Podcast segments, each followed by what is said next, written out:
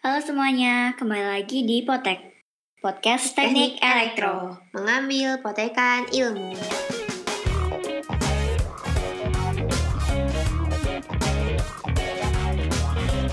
Kenalin, aku Adifta dan teman aku. Aziza, episode kali ini kita akan ngobrolin tentang magangnya elektro nih. Kira-kira buat magangnya elektro itu gimana sih? Terus gimana aja? Penasaran kan? Iya dong pastinya. Yuk simak terus potek kali ini. Oke, kali ini kita kedatangan narasumber yang keren banget nih dari Elektro 19. Bener banget, kita akan ngobrol-ngobrol santai nih sama mas-mas ini. Yuk langsung aja kita kenalan sama mas-masnya. Boleh nih dari Mas Fatori dulu, terus baru Mas Taufik. Oke, aku izin kenalin dulu ya. Eh, kenalin aku Fatur Aprilian dari Teknik Elektro 19. Oke, eh, kenalin aku Nur Muhammad Taufik, asal dari Teknik Elektro 2019. Eh, eh, Mas Taufik sama Mas Fatori, gimana kabarnya nih Mas? Ah, Alhamdulillah kabar baik. Alhamdulillah. Alhamdulillah, baik. Oh ya Mas, kalau boleh tahu nih, lagi pada sibuk apa sih Mas sekarang? Kalau dari aku mungkin sekarang sibuk masih sibuk kuliah sih, masih eh, ngerjain tugas akhir dan juga mambi- masih ngambil beberapa kelas. Kalau dari aku mungkin ya sekarang ya seperti biasa kesibukannya mahasiswa akhir ya. Perkuliahan masih ada, kebetulan masih ngambil matkul, terus tugas akhir, sama mungkin tambahannya ada eh, beberapa kegiatan di organisasi gitu. Oh gitu ya Mas. Ya Mas, terbilangnya sibuk gitu ya Mas. Eh, nggak terlalu sih. Sibuk. Sibuknya sibuk agak santai gitu ya Mas. Iya, betul. Dengar-dengar nih Mas, katanya Mas Faturi sama Mas Taufik itu baru pulang dari magang ya? Baru selesai magang gitu Mas. Iya bener Kit, baru selesai magang. Wah, Wah, keren banget gak sih? kalau boleh tahu Mas Mas ini magangnya di mana Mas? Kalau dari aku sendiri kemarin eh, baru selesai eh, magang selama satu semester di Telkom, lebih tepatnya di Telkom Corporate University. Itu eh, lokasinya ada di Bandung. Dan baru bulan ya, baru bulan September kemarin selesai. Ya, kalau dari aku itu kemarin habis magang di eh, PT Kawasan Industri Makassar ya. Di PT Kawasan Industri Makassar di ataupun PT Kima. Nah, lokasinya seperti namanya ada di Makassar. Alhamdulillah kemarin eh, baru selesai juga di bulan September kemarin sama barengan sama Mas Fatori selama satu semester. Oh, jauh banget ya Mas di Makassar. Iya jauh banget kayak kayak lagi liburan. Waduh, waduh. Taunya magang. Tapi sendiri ya, Fik. Sendirian. Di sana ngekos apa gimana Mas? Aku ngekos sih kalau di Bandung. Eh, ada bertujuh soalnya yang magang di sana. Kalau aku kebetulan di a- dikasih ya, dikasih asrama sama perusahaannya. Jadi eh, kebetulan perusahaan magangku itu ada asrama yang eh, ditempatin sama karyawan-karyawan biasanya di sana. Nah, terus aku eh, dikasih tempat gitu di asrama itu. Gitu kalau aku. Oh, jadi ini ya Mas, jadi itu Iya. ada yang disediain, ada yang enggak juga ya Iya, Mas? betul. Tergantung dari Kalau perusahaan juga. Eh, ngomong-ngomong Mas Fatori sama Mas Taufik ini ikut magang tuh karena apa Mas? Apa di elektro itu kayak apa ya wajib kayak gitu Mas? Untuk magang ya. eh, untuk magang eh, sebenarnya nggak wajib sih, cuman eh, ada keinginan gitu untuk ngikutin kegiatan magang. Eh, karena kan magangnya banyak nilai plusnya ya. Eh, sebenarnya pilihan eh, tergantung kitanya pengen ikut magang atau enggak atau pengen ngambil kelas reguler biasa. Tapi dari aku gitu. Eh, tapi gimana Pik? kalau dari aku mungkin alasan kenapa ambil magang karena eh, ini sebenarnya jawaban kurang ini sih. Jadi aku dulu kan teman-teman 19 eh, pas libur semester 5 atau apa ya. Pokoknya pas waktunya KP gitu di libur itu aku kebetulan nggak ambil KP karena emang eh, waktu itu sama beberapa orang di 19 mau ikutan MBKM tapi bukan MBKM magang. Eh, ikutannya project independen. Terus eh, ngarepin itu kan dan ternyata eh, pas mendekati masuk semester itu MBKM itu nggak ada gitu. Nah makanya ya udah ambil MBKM magang aja gitu, karena ya di dalamnya tuh bisa penyetaraan KP gitu, jadi sekalian aja. Paling itu sih karena karena nggak KP juga, jadi di penyetaraan gitu di MBKM ini. Oh, jadi, eee, tiap orang itu bebas ya, Mas, sesuai pengennya masing-masing aja gitu? Oke. Hmm, kalau waktu magang tuh Masnya, eee, ngerjain projekan apa aja sih, Mas? Mungkin boleh nih sharing-sharing ke teman-teman. Oh, kalau dari tempat aku magang kemarin yang di Telkom, buat project-project-nya itu lebih terfokus di bidang IoT atau Internet of Things. Jadi, eee, di sana itu kita, eee, bertujuh itu kerja secara tim itu, eee, terlibat di pengerjaan project IoT. Eee, ada beberapa ini sih, teknologi yang dipakai gitu, contohnya kayak RFID, ada juga yang pakai LoRa dan semacamnya. Jadi, eee, emang kus itu memang khusus di project di bidang Internet of Things. Mungkin kalau dari Topik gimana, Pik? Kalau dari aku mungkin karena perusahaannya bergerak di, eee, pengelolaan kawasan industri ya di Makassar, jadi, eee, garapannya lebih general sih gitu. Utamanya aku kan ditempatin di divisi pengelolaan lingkungan, di mana, eee, kalau misalkan dari segi pekerjaan itu aku dapat tiga tiga bagian. Ada yang berkaitan sama elektrikal, kemudian mekanikal, sama operator. Nah, kalau misalkan elektrikal itu, eee, lebih ke jadi control engineer sih, bikin project. Kalau misalkan di kawasan itu beberapa, eee, perusahaan butuh panel, panel kontrol. Misalkan, eee, kayak kemarin ada project bikin, sistem distribusi air itu menggunakan PLC, kemudian ada project paddle wheel, ada project, RF logging. Nah itu, bermacam-macam gitu. Kalau misalkan elektrikal lebih ke bikin box panel kontrol yang berkaitan dengan PLC. Kemudian ada juga perawatan PJU, kayak di sekitaran gitu, yang di sekitaran kawasan industri yang berkaitan sama elektrikal itu dihan di-handle sama divisi aku gitu, terutama di bidang elektrikalnya. Terus kalau mekanikal itu lebih ke, eee, IPAB, instalasi, eee, pengolahan limbah airnya. Jadi kan di sana ada pengolahan limbah air ya di kaw sekawasan industri itu, pengolahan limbah cair. Nah itu dari segi pasti butuh, eee, elektrikalnya gitu, teknologinya. Nah di sana kita juga yang menghandle-nya gitu, dari mulai mekanikal sampai ke elektrikalnya. Terus ada juga yang, eee, operator. Kalau operator itu biasanya ada operator, eee, blower, itu buat mesin-mesin industri di sana untuk pengolahan limbah cairnya. Kemudian ada, distribusi air bersih juga, sama panel kontrol utamanya. Paling dari kalau dari aku itu sih. Lebih general mungkin ya, eee, pekerjaannya gitu. Banyak juga ya, Mas, projekannya? Eee, lumayanlah. Aku mau nanya nih, Mas, kalau magang itu harus punya soft soft skill atau gimana sih, Mas, gitu? Kalau untuk soft skill ya, eee, untuk magang sebenarnya nggak harus punya soft skill soft soft skill sih, karena nanti, eee, di magang kita juga sebenarnya ngelatih soft skill kita secara tidak langsung gitu. Tapi mungkin lebih bagusnya kita, eee, ngelatih soft skill kita sebelum kita mungkin nanti, eee, ada keinginan gitu sebelum mengikuti kegiatan magang jadi eee, sudah ada bekalnya gitu. Kalau dari kamu gimana, Pik? Kalau dari aku penting, eee, mungkin lumayan penting sih ya, eee, maksudnya yang penting kita tahu basic-nya gitu di bidang kita. Kayak misal kita udah tahu nih, eee, diterima magang di perusahaan apa, terus tipenya seperti apa. Tadi kan kayak misalkan di Telkom lebih ke IoT, terus perusahaanku lebih ke, eee, PLC ataupun kontrol gitu. Nah itu kayak kita minimal tahu basic-nya lah gitu, nggak terlalu bener-bener kosong. Nah masalah nanti ahli atau gimana pada saat mengerjakan project, itu pengalamanku berjalan seiring waktu sih gitu. Aku pun, eee, di awal-awal itu pas ada project pertama itu bener-bener jadi helper dulu. Jadi nggak megang project-nya, tapi, eee, jadi kayak istilahnya kalau di dunia kerja itu ada helper gitu, eee, bantu-bantu, kemudian, eee, ya intinya bantu-bantu pekerja utama gitu. Nah, dari sana project 1 jadi helper, project 2 itu udah mulai megang tuh beberapa project, sampai bener-bener dilepas gitu, tanda tangan kontrak project itu sempet juga.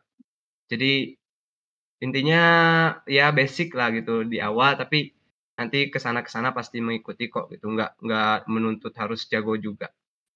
Eh, terus kita pengen tahu nih Mas, suka duka ikut magang apa aja? Aduh, suka duka ya? Kayak lebih banyak sukanya sih. Karena Wow. ya Wow. magang di Telkom, kebetulan di sana juga pasti kan menambah pengalaman juga dan ketemu orang-orang baru di sana nah, di perusahaan Telkomnya langsung. Dan ya kebanyakan orangnya friendly-friendly banget di sana dan sangat suportif, eee, support terhadap teman-teman magang di sana. Eee, jadi kita selain menambah peng pengalaman juga bisa memperluas atau menambah relasi kita, eee, di bidang pekerjaan. Dan juga kita bisa tahu sih, apa, secara di dunia pekerjaan itu seperti apa bentuknya, dan tahu juga culture, budaya atau kerja di sana. Karena di sana kita juga selain mengerjakan project juga sering, eee, mengikuti meeting atau pertemuan-pertemuan yang melibatkan pegawai-pegawai di sana. Kalau untuk dukanya sendiri sih mungkin lebih ke ini ya, karena di Bandung, eee, kebetulan lokasinya agak di atas, jadi suasananya itu beda sama di PBG, suasananya dingin banget di sana. Eee, kalau dari aku mungkin suka dukanya alhamdulillah ya, pengalamanku kayaknya lebih banyak sukanya gitu. Yang pertama sebenarnya hampir sama sih kayak pengalaman Mas Fatori gitu. Kita dapat experience yang lumayan berharga gitu, eee, walaupun masih taraf mahasiswa tapi udah mengetahui gitu culture dunia pekerjaan seperti apa gitu, nggak hanya dari segi, eee, teknis tapi kita tahu, eee, orang-orangnya, kemudian, eee, sifatnya gitu, dunia kerja seperti apa. Terus sukanya mungkin alhamdulillah di sana juga dapat partner yang benar-benar peduli, orang Makassar baik-baik dari mulai datang ke sana, dijemput, kemudian dianterin ke penginapan, sampai perkenalan di awal itu benar-benar, eee, suportif banget gitu. Sering juga ngadain ngad ngadain acara kayak makan-makan ataupun apa, nah itu sering juga gitu.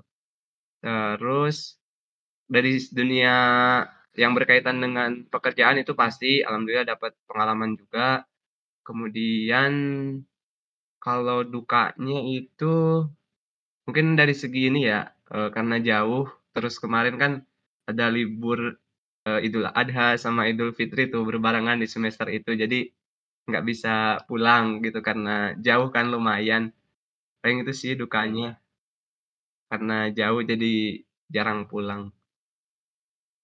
Selebihnya sih alhamdulillah, eee, senang-senang aja gitu. Alhamdulillah ya Mas, eee, Mas-mas di sana ketemu orang-orang yang baik banget, terus juga pengalaman banyak banget pe dapat pengalaman ininya, pengalaman kerennya.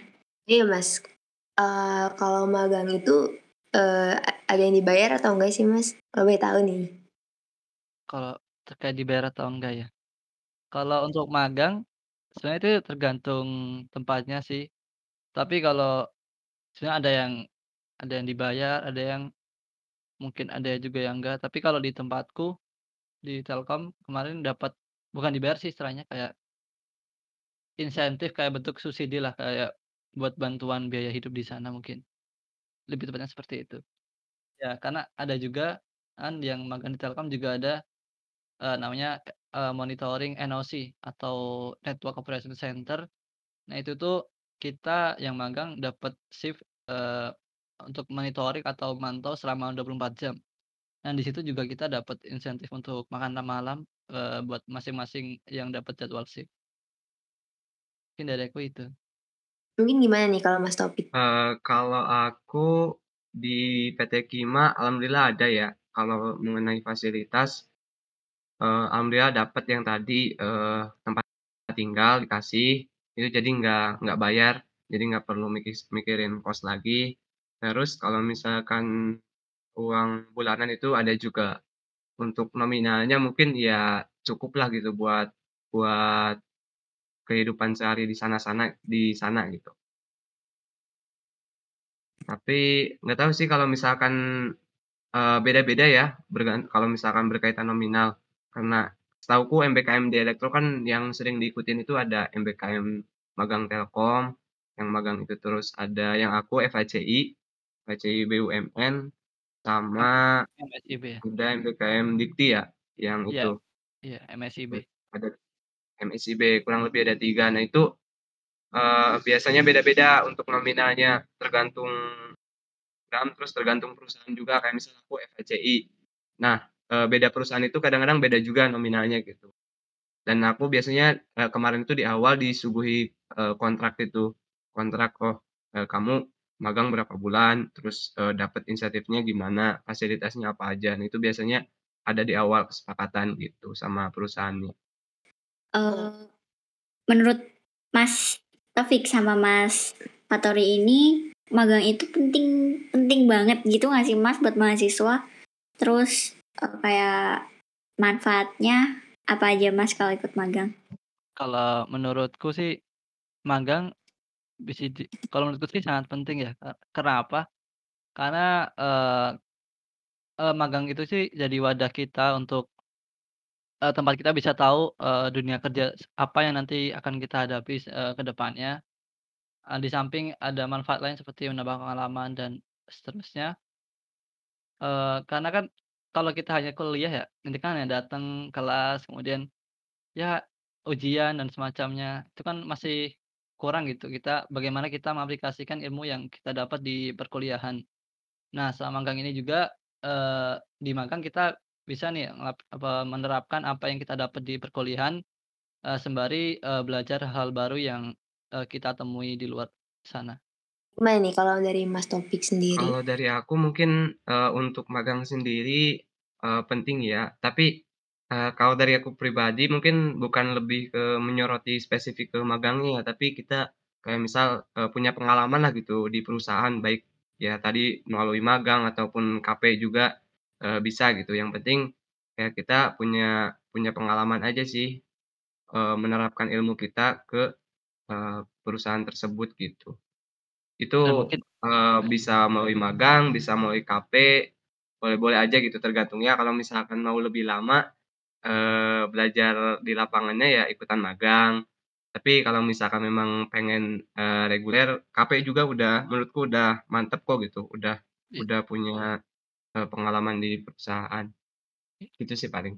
Iya, mungkin ada plus lain ini ya, Pik, bisa nambah CV ya, Pik. Iya, betul. Oh iya ya Mas, bener bisa nambah Iya. nambah di Iya, buat CV ya pengalaman biasanya Mas. kan kita nyertain kayak pengalaman yang pernah diikuti atau apa. Oh iya Mas, eee, aku mau nanya lagi nih, kalau buat magang itu caranya gimana gimana sih Mas? Kita penasaran nih gimana caranya buat magang gitu kan, ada yang belum paham gitu Mas. Mhm, susah susah gitu nggak sih Mas kalau kita itu pengen Ikut ikut magang? magang? Eee, buat magang susah susah enggaknya sih kayaknya enggak terlalu susah sih. Karena mungkin yang perlu kita siapin mungkin kita update informasi aja dari mungkin dari in bisa dari info jurusan, mungkin dari media sosial juga bisa. Eee, kan sekarang media online kan banyak banget info-info magang ya. Kalau untuk direktur sendiri, eee, setahuku tuh ada beberapa magang yang mungkin bisa diikuti kayak mungkin di magang Telkom, eee, yang kerja sama jurusan. Kemudian, eee, MBKM FHCI yang diikuti Mas Taufik, sama MBKM SIB atau yang dari Kemendikbud. Itu yang program dari Kampus Merdeka. Nah, mungkin dari tiap-tiap magang itu beda-beda sih kayak alur proses pendaftaran sampai ke pengumumannya seperti apa. Jadi ada yang mungkin ada yang perlu mengirimkan CV, transkrip nilai dan lain-lain. Ada juga bentuk seleksinya juga beda-beda, ada yang ada yang hanya tes tulis, ada juga yang pakai wawancara.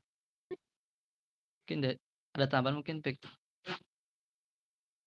Iya, eee, kalau terkait dengan sulit atau enggaknya ya mengikuti magang ya, eee, relatif gitu, bener tadi kata Mas Fatori tergantung, eee, jurusannya juga. Tapi kadang yang paling penting itu tadi, eee, informasi ya. Kadang, eee, beberapa mahasiswa itu belum tahu gitu mengenai program magang yang bisa diikutin itu. Kayak misal tadi Mas Fatori udah jelasin nih, eee, biasanya di elektro ada 3 nih, ada magang Telkom yang emang langsung kerja sama, ada FHCI, ada, eee, apa, MBKM yang Dikti, yang MSIB. Nah itu kadang-kadang informasi tersebut itu di kita masih masih ini loh, masih, eee, kurang banyak yang ini loh, menerima gitu, menerima informasinya.